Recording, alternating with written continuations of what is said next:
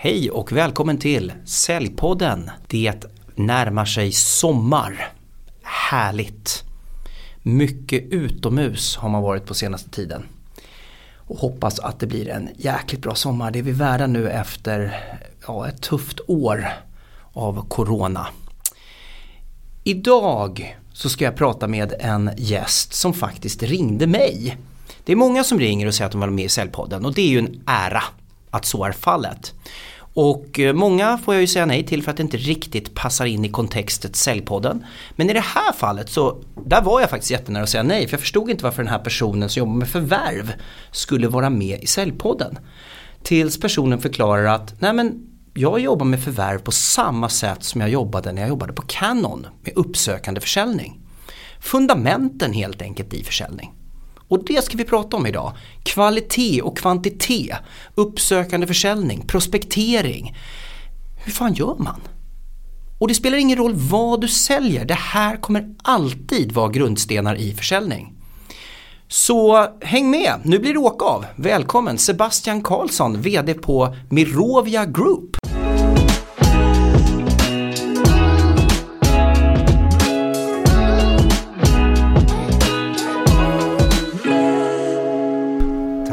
Var ett bra, fint intro, bra cue där. Eh, tack, kul att vara här. Eh, som sagt, Ken och eh, ser fram emot det här. Hur kommer det sig att du kontaktade mig? För att vara med? Ja men eh, ett, jag är medlem i Säljarnas. Jag har varit medlem i, i sju år och eh, sen så tycker jag eh, jag skulle inte, alltså man, vill, man vill så ett frö för andra som jobbar med försäljning, eh, likt, likt jag själv gör. Eh, att eh, det finns andra vertikaler, andra sätt att ta sig fram. Och jag, jag tycker jag tycker ibland tyvärr att eh, försäljning har, har ett sämre rykte. Jag tycker liksom försäljning är A och O. Eh, och jag tycker, jag tycker det är viktigt att få fram så många som möjligt som håller på med det här hantverket, för det är det det är, det är ett hantverk. Mm. Eh, och, och lyfta, lyfta upp det ordentligt. Mm. Men då tycker jag att vi gör det i det här avsnittet. Ska vi börja med att prata lite om din karriär? Mm. För jag tycker ändå det är intressant när jag har en gäst att få reda på lite mer om gästen. Du har spelat lite, lite boll. Ja men exakt, ja, men jag är en gammal bollsparkare. Eh, spelade i Degerfors, Landskrona Boys i, i ett antal år. Eh, sen, sen var det väl dags att klippa mig och skaffa mig ett riktigt jobb. så att eh, jag jobbade faktiskt med, med telefonförsäljning det första jag gjorde. Och jag skulle säga innan det så sålde jag sålt lotter, eh, sålt extremt mycket bingolotter eh, i mitt liv. Men, eh, men efter fotbollskarriären så var det, var det dags att, att, att hitta en karriär och eh, Canon var första steget för mig. Jobbar både på Canon i, eh, i Värmland, Dalsland, sen huvudkontoret.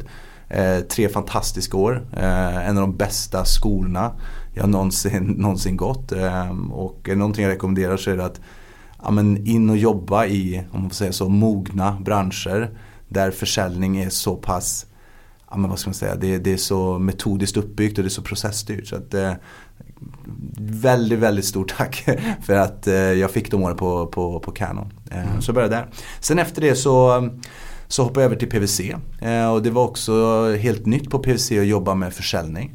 PVC stod inför en utmaning när när rotationsreglerna kom till, till revisionsbranschen efter, ja, många har säkert läst om SCA-skandalen. Och då blir det ännu tydligare att ja, man måste byta ut eh, eh, sittande revisor. Jag tror det är vart femte år när man är ett börsnoterat mm. bolag. Mm. Och eh, det gjorde ju att eh, PWC stod inför en problematik när man hade en stor del av sin headcount eh, som jobbar mot, mot eh, noterade bolag. Och sen helt plötsligt skulle du skapa en SME-affär. Och, eller en affär då i onoterad miljö. Så att det i sig var ett superroligt uppdrag eh, och gjorde också att jag fick ett, ett, väldigt bra nätverk och tillgång till väldigt, väldigt mycket människor när du jobbar på, på PVC och bolag.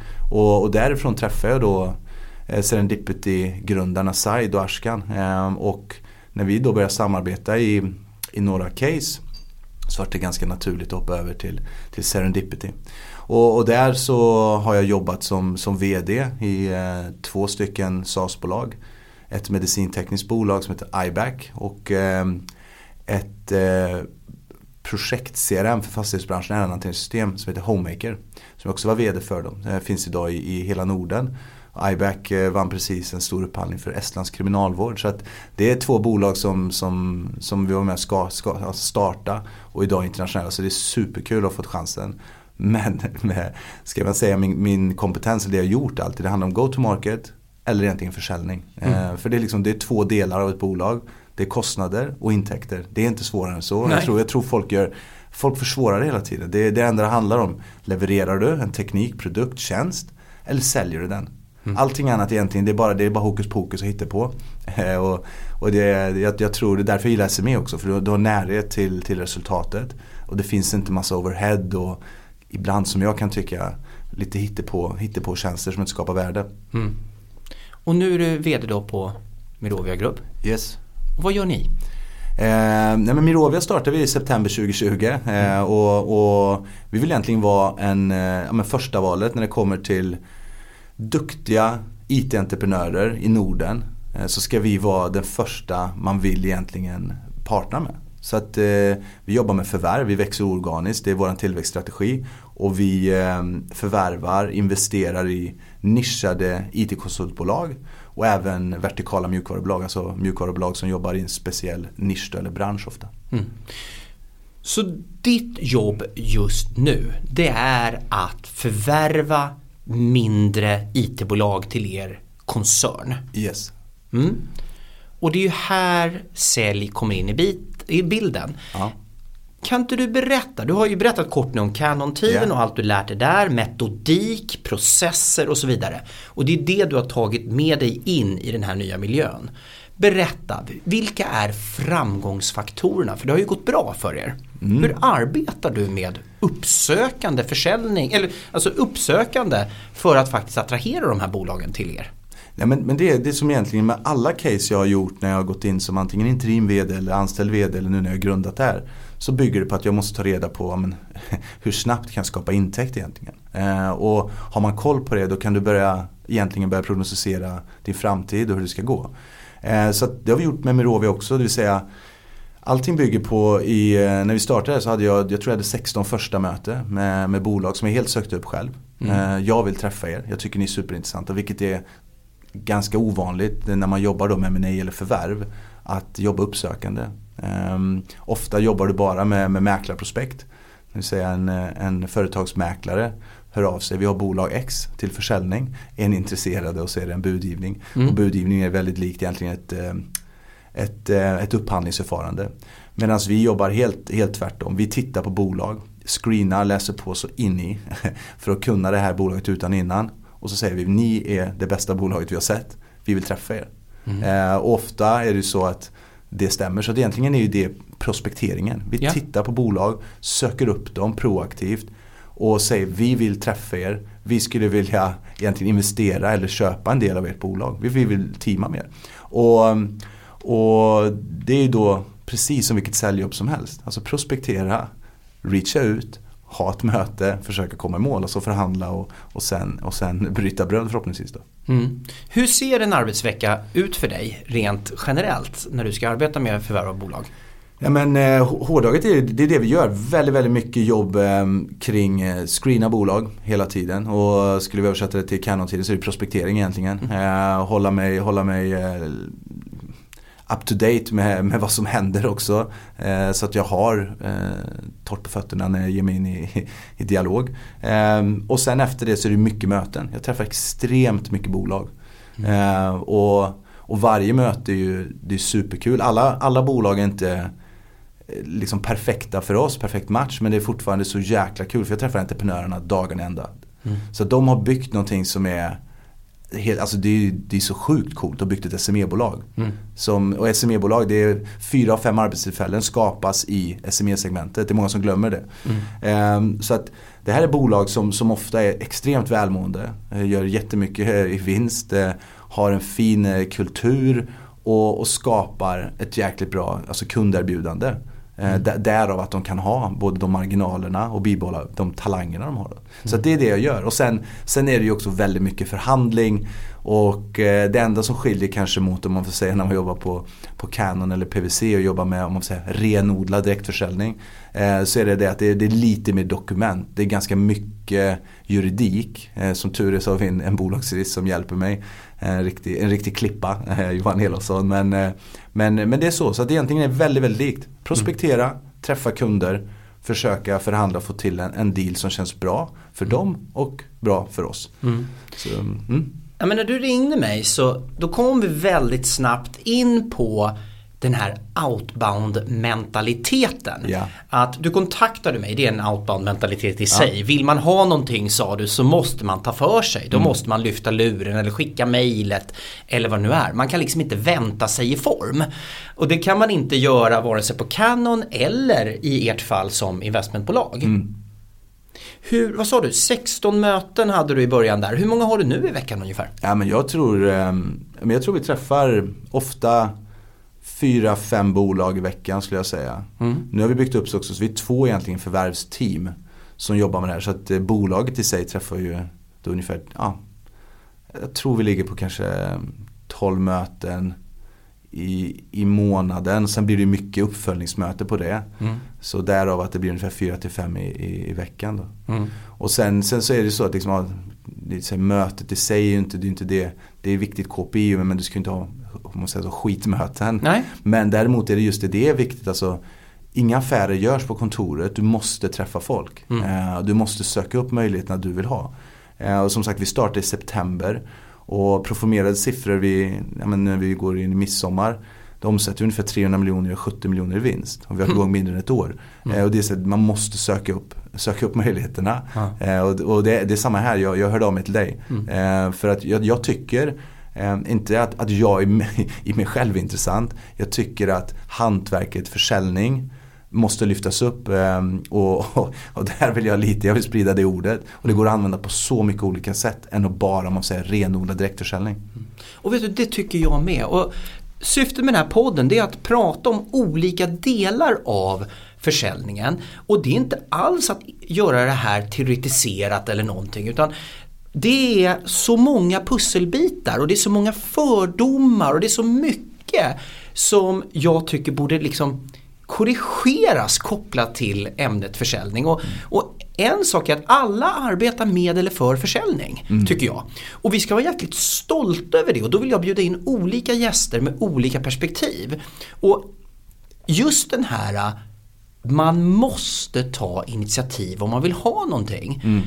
Hur ser du på det idag? Det är ju någonting du har arbetat med kanske hela livet vad gäller från, var det Makalös du var på i första läge? Ja exakt, jag jobbar med callcenter på, på Makalös. Ja. Ja, att, ja det ja. är liksom high frequency på något Ja, vis. ja, verkligen. Ja, till Canon till nu. Ja, ja. Mm, och nu sitter du här liksom och, och många har säkert en bild av investmentbolag Mm. eller förvärvsbolag så att säga eh, på ett sätt. Men, men här pratar vi om en, en säljare. Mm.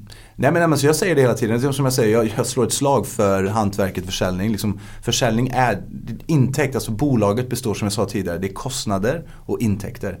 Så att försäljning är intäkter, även om du väljer en, en marknadsstrategi som bygger på på, på e-handel eller, eller om du kör direktförsäljning eller via återförsäljare. Allting handlar om intäkt, lika med försäljning. Så att, Alltså folk, folk måste förstå att det, det är det viktigaste av, av allting. Eh, och tittar man på om man säger en gemensam nämnare för många av våra, våra entreprenörer. De är fantastiska, de är jäkligt duktiga på försäljning och ansvarstagande. Sen kanske vissa av dem säger, men jag är inte en säljare, alltså till och med vissa av våra entreprenörer. Nej, du är en teknisk säljare. Du, du brinner så mycket för din tjänst, din, det du levererar. Så det i sig är försäljning. Men ibland vill de kanske inte säga att de är säljare, men det, det är det det handlar om. Och, och, och just när man träffar CME-bolag som är så lönsamma. ehm, oavsett om de kanske inte ser sig själva eller ej som säljare så är det exakt det de är. Fast de har, de har eh, ett annat sätt att sälja. Ja, men jätteroligt. Jag har lagt ner väldigt mycket eh, tid i mitt liv på att utbilda specialister inom försäljning. Och man vill så gärna säga att man inte är säljare men när vi är klara för dagen så förstår ju folk att, att ha den här kunskapen, att ha ett kundfokus, att faktiskt vilja väl för kunden, det är försäljning. Sen har vi personer som gör olika saker i en säljprocess. Någon som bokar mötena kanske, någon som gör hela processen, någon som är avtalsansvarig, någon som är leveransansvarig. Men vi måste alla förstå att det handlar om intäkter och att allt, alla intäkter kommer från försäljning. Så den första, eller mindsetet på något vis, det är att inte göra det här så jäkla svårt och att det är sjukt viktigt med att vara eh, liksom outbound i sitt sätt att vara. Alltså ta för sig och kontakta kunden proaktivt. Vad är ditt andra tips som du har, som du har lärt dig genom året som är liksom din framgångsfaktor? Nej men jag tror, jag tror också just det att alltså, läsa på. Eh, jag blir ju jag älskar när folk reachar ut till mig också. Alltså jag blir, även om ibland det är någon som är lite för naiv och vill att jag ska eh, köpa någon, någon konstig idé. Så blir jag glad och försöker alltid lotsa dem vidare vart de ska gå. För att vi, vi köper inte den typen av bolag. Eh, men, men jag blir så glad när folk har läst på. Alltså jag har fått, jag har fått två, två mail den senaste månaden. Där folk har gått in och lyssnat på, jag, jag gjorde en, en podcast med Nathan Latgain, en, en amerikansk eh, SAS-poddare kan man väl säga. Eh, och, och då har de gått in och lyssnat på podden och säger hej jag hör, läste eller hörde det du sa i Nathan Latgas podd. Jag tyckte de här sakerna var bra. Alltså ett, och närt mitt ego. Jag älskar dig för att du tycker om mig. absolut. Nummer två, du har lagt lite energi och tid. Och kan du någonting om bolaget så bara, hörru, vi kommer träffas. Eh, och det är det, alltså man pratar om sales intelligence. Eh, men jag tycker att folk ibland, de är lite för slöa när de prospekterar. Alltså prospektera är bland det viktigaste du gör. Eh, och läs på och förstå personen du ska prata med. Alltså vad är, vad är Ken, hur kan jag förenkla Kens jobb? Men Ken behöver folk till den här podden som, som är intressanta för medlemmarna. Hur ska, jag, hur ska jag hjälpa Ken att göra sitt jobb bättre? Och det, allting bygger på det.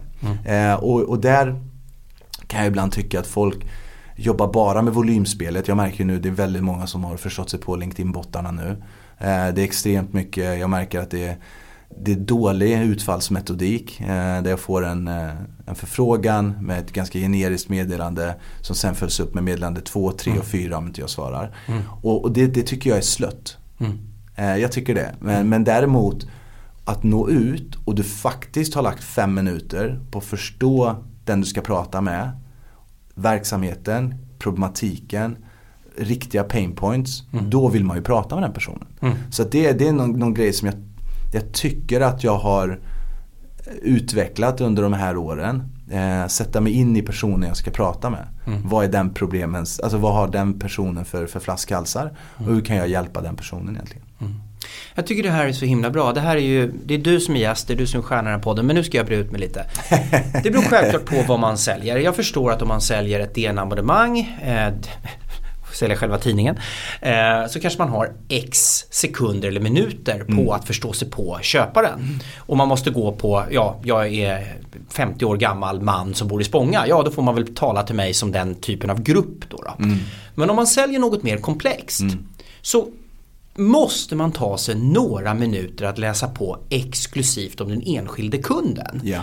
Och det handlar inte om en timme, så de som säger att de inte har tid har inte funderat på var tiden går. För vi bara dräller bort den här tiden på annat skit.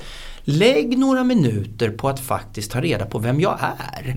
Om det är viktigt för dig. För då blir jag som du säger smickrad och vi får ett bättre ingång i samtalet. Ja. Och det tycker jag är jättebra att du lyfter det. Du var väldigt tydlig med det innan vårt möte här. Och du var ju påläst om mig. Eh, faktiskt. Eh, så att jag blev ju också lite smickrad. Så jag vet inte vilken del av det. Du var outbound, du hade läst på. Det var två framgångsfaktorer för att komma hit. Vilket är ditt tredje tips då? Om du skulle ha ett till tips? Eh, nej men de, var, de, var bra, de var bra de grejerna. Eh, jag skulle också, alltså det är någonting jag tycker, jag, jag, har ju- jag har ju varit i en grupp, Serendipity, som är teknikhöjden är extrem, den är extrem. Alltså det är, det är, det är, det är dubbel, dubbel akademiker nästan allting, det är doktor, doktor och, och så vidare. Och så vidare. Men, men just att för många som jobbar med försäljning väljer ofta ganska mogna branscher där försäljning är, alltså de har kommit väldigt långt. Som jag sa, Canon är ju extremt hård eh, konkurrens. Det gör också att du skapar de bästa säljarna. Du själv har jobbat med, ja, du jobbar med, med HR-rekrytering, också en tuff bransch, mogen bransch. Det gör också att du blir bäst i världen på ditt hantverkssälj. Men det finns branscher där det inte är som man säger så, så hög konkurrens. Ofta handlar det om att men säg ett bolag som har en säljkultur. Det blir att man drar sig dit för att det är likasinnade människor. Men skulle man våga hänga med folk som faktiskt är lite savanter och inte är man får säga, lik dig själv.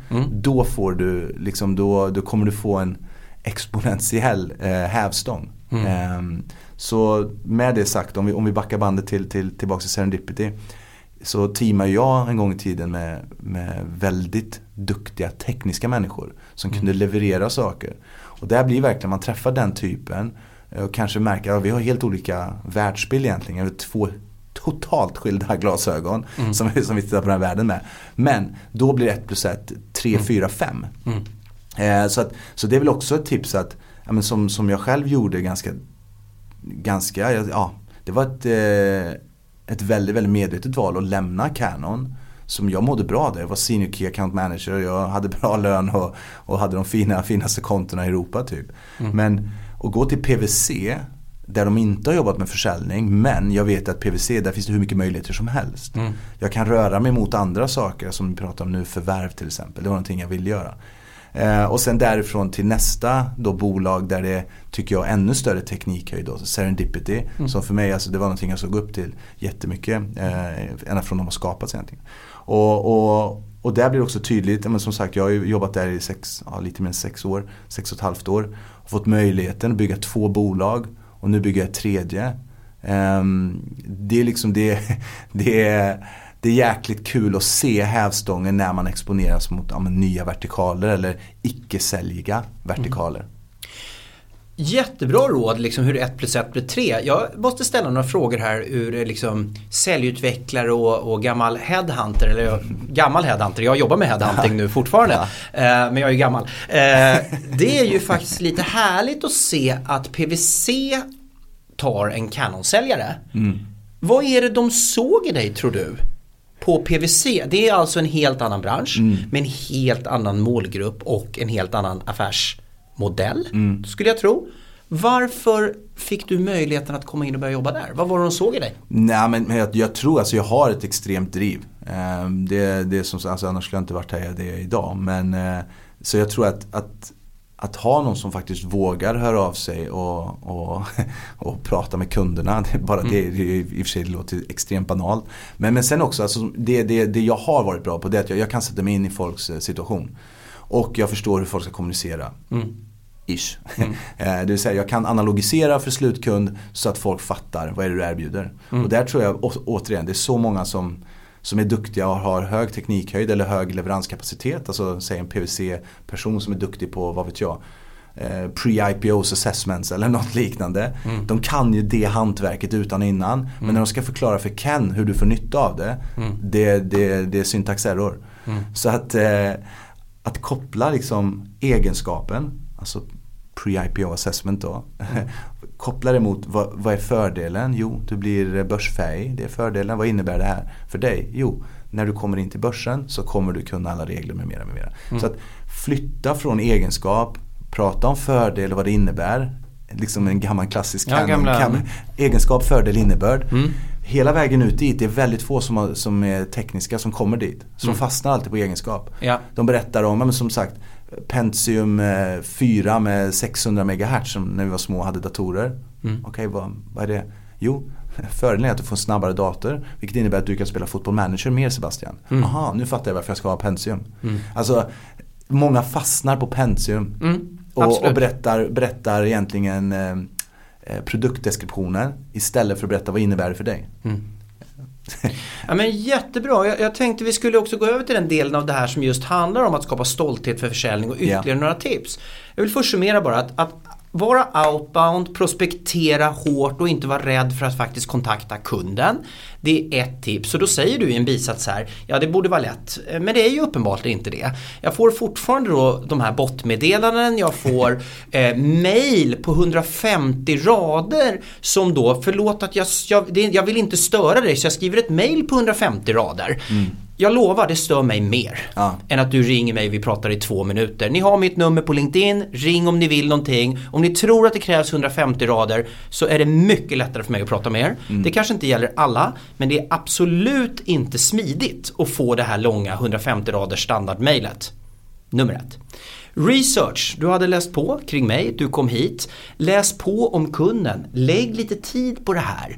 Eh, det handlar inte om flera timmar utan det handlar om att du måste analysera värdet du vill få ut och, och faktiskt försöka balansera då. Läser jag på för att jag har säljhinder och tror att jag måste veta precis allting eller läser jag på för att jag tror att det kommer skapa en mer värdeladdad dialog.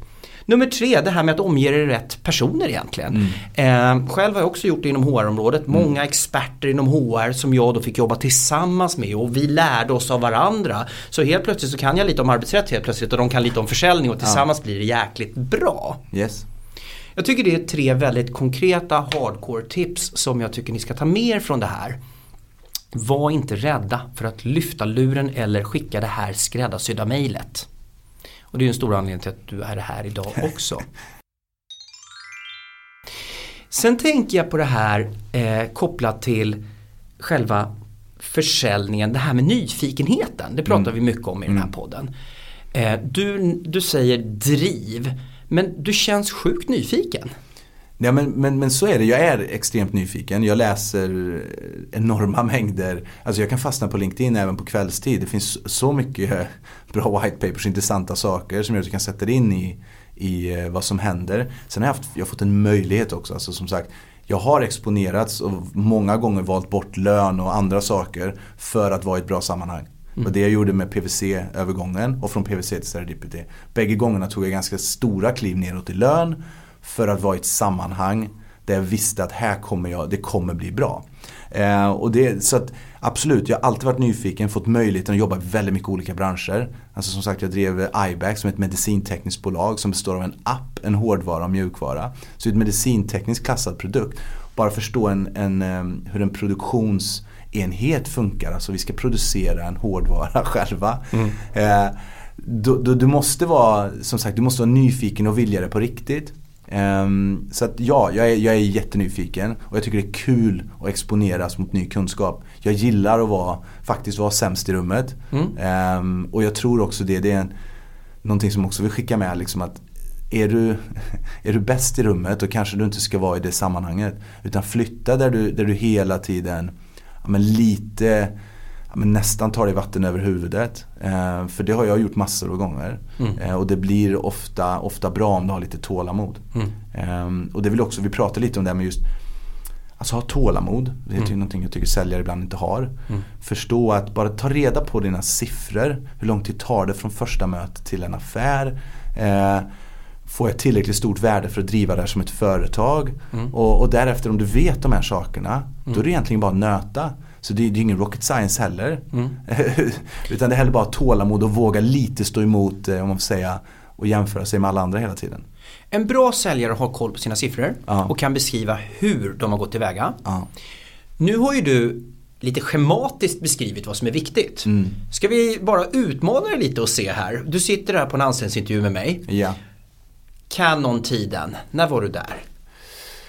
Canon, vad ska vi se, jag var jag är född 82. Jag var 28 när jag började där. Vad blir det då? 2010. Ja, exakt. Härligt. Ja. Eh, hur många kundbesök i veckan gjorde du ungefär? Men på Canon hade vi ju en tydlig regel. Alltså 30 dagar framåt, 30 bokade möten. Mm. Hade inte vi det i kalendern, då fick vi börja boka av möten för att sätta oss och ringa. Mm. Så att jag är ju, det kan man ju säga, det är en gammal skola med vissa saker. För jag tycker inte i sig att, att äh, mötet bara behöver vara, för att ibland behöver man ju då ta dåliga möten. Mm. Men jag tycker ändå att aktivitet kommer leda någonstans. Mm. Och sen när du bara börjar förfina så märker du att jaha, de här fyra mötena i, i, mot den här branschen. När jag träffade advokatbyråer kanske jag alltid fick affärer för att de, det var jätteviktigt med säkra utskrifter för dem till exempel. Mm. Ja, man fan, då ska ju bara förstärka det. Mm. Då får man göra lite Bruce Lee på sin, på sin process. Mm. Skär bort allt det dåliga, bara fokusera på det här. Mm. Och, och, så där på Canon var det ju, ni, ja, det är ju det är väldigt tufft. Det är ofta 8 till, till 12 eh, möten i veckan. Hur, vad, vad hade du för försäljning på årsbasis? Nej men det beror på lite om du är i Stockholm kontra, kontra Värmland så är det lite olika. När du var i Värmland? Värmland så vi har väl ungefär skulle jag säga en, en omsättning på, på 200 000 i månaden. Och, och TB som var ungefär 50% på det. Så där låg vi på 100 000 i TB. Vilka vi? Du eller? Nej, alltså, alltså jag gjorde det. Men ja. alltså alla säljare hade ungefär samma. Ja, Kam, kammen hade kanske lite mer. Mm. Men ungefär eh, där låg vi. Och det, det var det vi taktade. Mm. I Stockholm är det lite mer. Mm. Eh, där skulle du gärna omsätta upp mot eh, 400-500 000. Mm. Och, och där premierades omsättning för de ville ju sälja nya maskiner, ny mjukvara och då mm. hade man lägre TB mm. till exempel. Så mm. att, eh, det, var, det var de siffrorna jag låg på där. Mm. Um.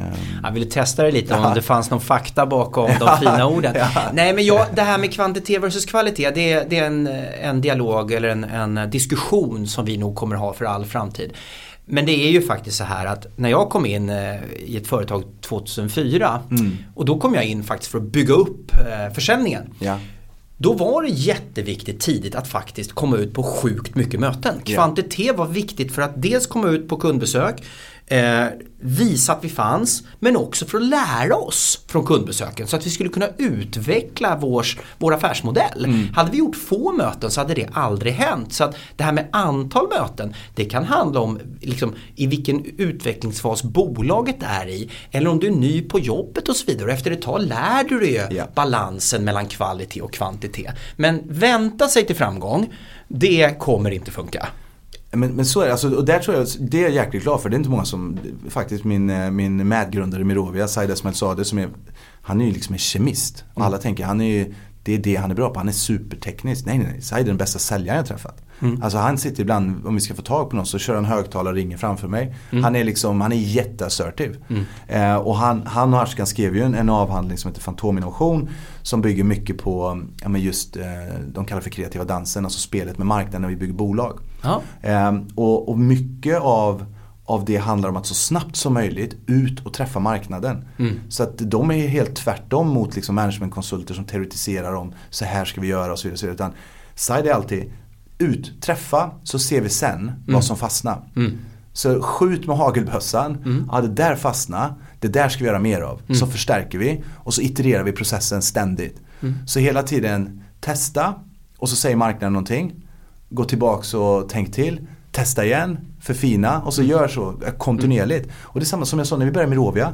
Jag, hade, jag älskar IT själv så jag gillar, jag gillar mjukvara och, och IT-konsultbolag. Så det, är ju, det ligger mig varmt om hjärtat. Men för att inte bara göra någonting som jag brinner för så testar vi också att träffa teknikkonsulter. Vi träffade alltså riktiga om man säger, blue collar-bolag som servar pappersmasseindustrin i Värmland. Mm. För att se, det kanske finns andra bolag som har en, en nisch vi, vi också tycker om. Mm. Men bara ganska snabbt blev det IT ändå. Och sen mm. så började vi på riktigt göra våran research och såg vart någonstans i IT-landskapet finns det lönsamhet. Jo, mm. vi vet att under 100 medarbetare, där har man högre lönsamhet.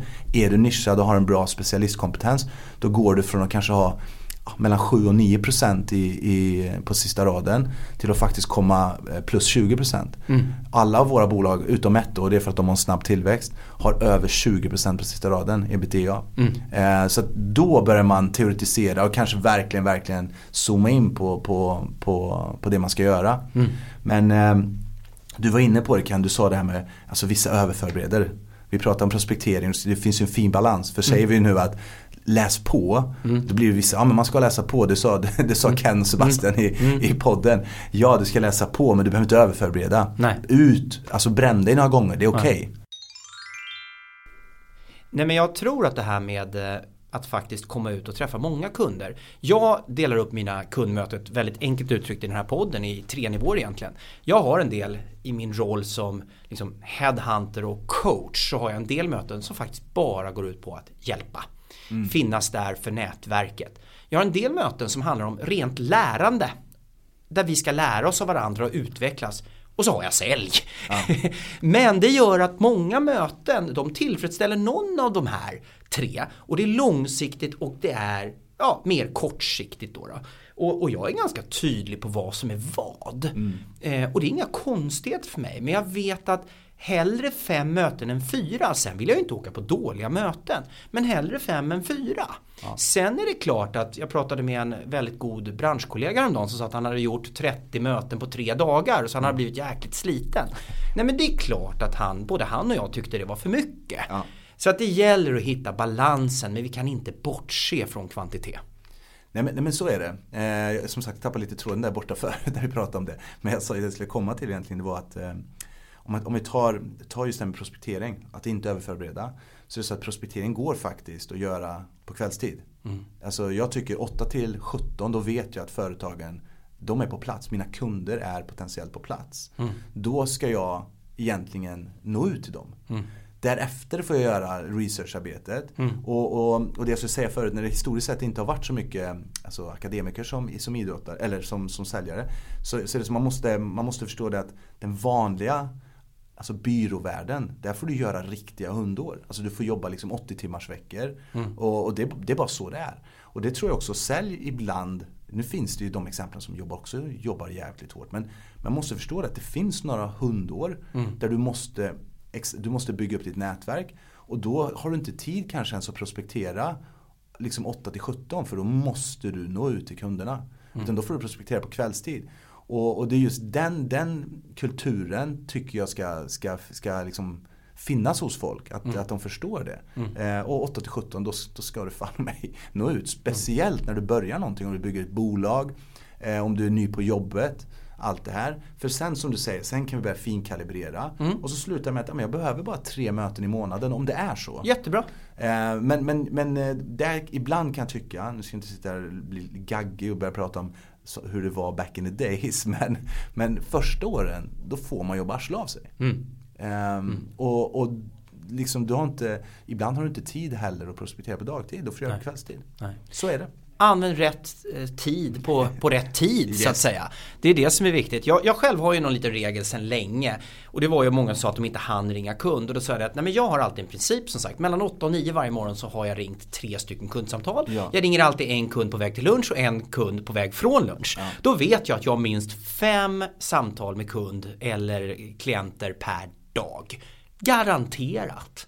Och det känns jäkligt skönt för att det där vet jag till slut det, det trillar ner för att när andra människor så att säga vilar på hanen mm. så ska jag öka tempot i att bygga relation och, och faktiskt ta de här samtalen. Mm. Men du, ska vi summera vad vi har pratat om? Men först en fråga som har suttit i mitt huvud jättelänge. Ja. Håkan Söderstjärna. Det var ju en liten idol en gång i tiden. Har du spelat med honom? Ja, jag spelar med Håkan. Håkan är en fantastisk människa. Ja. Eh, och han har ju, som sagt, han har ju sen födseln ja. bara en, en halv, en armen är halv helt enkelt. Ja. Så, men det har ju också varit, det är ju en drivkraft för honom. Han gör ju allting liksom. Han spelar jag har ju sett honom, vilket kanske inte är helt eh, lagligt, men när han kör bil och pratar telefon med den där stumpen. Och, ah. och han ska göra allting eh, för att just att han inte klarar av det. Ah. Eh, nej men grym kille, jag spelar med honom. Jätte, ah. Jättefin kille. Ja, nej, men jag kände på mig efter att ha tittat lite på när du var i, i Landskrona. Och eh, men det var inte så att, att jag minns honom bara för att han hade den här armen utan för att han var grymt ja, bra. Ja, ja, ja, ja, Det är ju det som är så häftigt. Men det är inte, det, det är inte därför vi är här. Det var ett litet sidospår. Eh, summera avsnittet, det ska vara stringent, det ska vara tydligt och jag ska kunna skriva din summering som liksom tagline för det här avsnittet? Nej men, men jag, som jag sagt, det första jag skickar med, vi pratade om det, men det här med sales intelligence. Eller bara liksom nyfikenhet på den du ska nå ut till. Och, och som sagt, gör det lagom mycket. Men, men för fan, alltså läs på, förstå din kunds verksamhet. Alltså pratar du med en redovisningschef då ska du veta att ja, det är jättejobbigt med betalfilsåterrapportering om det är robotikmjukvara du vill, du vill sälja. Du måste förstå det. Mm. Och förstår du inte det, för då får du sätta dig där ute och intervjua eller sätta dig bredvid och praoa hos den kunden om det är det du säljer. Mm. Så det tycker jag är extremt viktigt. Sen just det med utfallsmetodik. Eh, alltså, du vet hela tiden att ja, du har ett nästa steg eh, på den här kunden. Du har tålamod nog att veta att okej, okay, det var ett nej nu. Men jag är här, jag är här i 60-70 år till. Vi kommer göra affär. Mm. Det finns nästan alltid ett nästa steg. Oavsett om det handlar om att jag kommer bjuda in till ett event om ett halvår. Eller nästa gång kommer jag bjuda in till, till en lunch, och vad det än är. Jag kommer skapa relation med den här personen för jag vet att om det då är någon du kan hjälpa. Så ska du, så ska du fan med se till att har en lång, långsiktig utfallsmetodisk plan. Mm. Eh, det tror jag är viktigt och det tror jag många ibland ganska snabbt eh, kommer bort ifrån. Mm. Ehm, så, och har du en sån bra plan då har du tålamod för du vill förlita dig på ditt arbete. Mm. Så kolla inte på, på Instagram allting och jämför det med vissa som det kanske går jättesnabbt för. Utan du vet vad du ska göra, du har lagt en plan, gör det under lång tid så kommer det bli bra. Liksom. Mm. Ehm, och sen faktiskt om du då är säljare, alltså exponeras mot nya vertikaler. Våga gå ifrån mogna branscher Eh, som sagt, en jättebra skola. Jag, jag, är tacksam tills den dag jag dör för, för tiden på Canon. Eh, men våga exponeras mot, mot branscher som kanske inte är typiska säljande branscher. Mm. Eh, det tror jag är jäkligt viktigt. Och sen vara i de sammanhangen där du inte alltid är bäst i rummet. Mm. Det är väl egentligen de, de tipsen jag skulle vilja skicka med. Ja men jättebra summering och ska man vara lite raljant i det där. Vid ett tillfälle så kände jag verkligen att jag var smartast i rummet. Och för att rädda företaget, eftersom jag inte är så smart, så var jag nog tvungen att lämna det företaget. eh, nej, men just den där känslan av att vara smartast i rummet, den är inget bra eh, över tid. För det är inget bra för bolaget och det är inte bra för din egen utveckling. Utan försök att utsätta dig för lite skrämmande situationer. Mm. Eh, jättetack för att du var, var med idag. Stort tack för att jag fick komma Ken. Ja, kul att, följa dig framöver också. Och de, jag tror att ni faktiskt, eh, visst gjorde ni ett förvärv? Vi gjorde ett förvärv i, i förra veckan och även den här veckan. Coolt! ja, jäkligt. Vi har jobbat hårt för det där så att jag är väldigt, väldigt glad just nu. Framgång ingen slump. Hörni, Stort tack för att ni har lyssnat på Säljpodden, ett avsnitt där vi ytterligare ska stärka stoltheten över säljyrket med ett antal konkreta tips som gäller oavsett vilken bransch du jobbar i helt enkelt. Oavsett om du jobbar med att jobba på Canon som Sebastian gjort tidigare eller på PVC som jag gjort tidigare eller för att förvärva bolag som Sebastian gör nu. Stort tack och ha en grym vecka.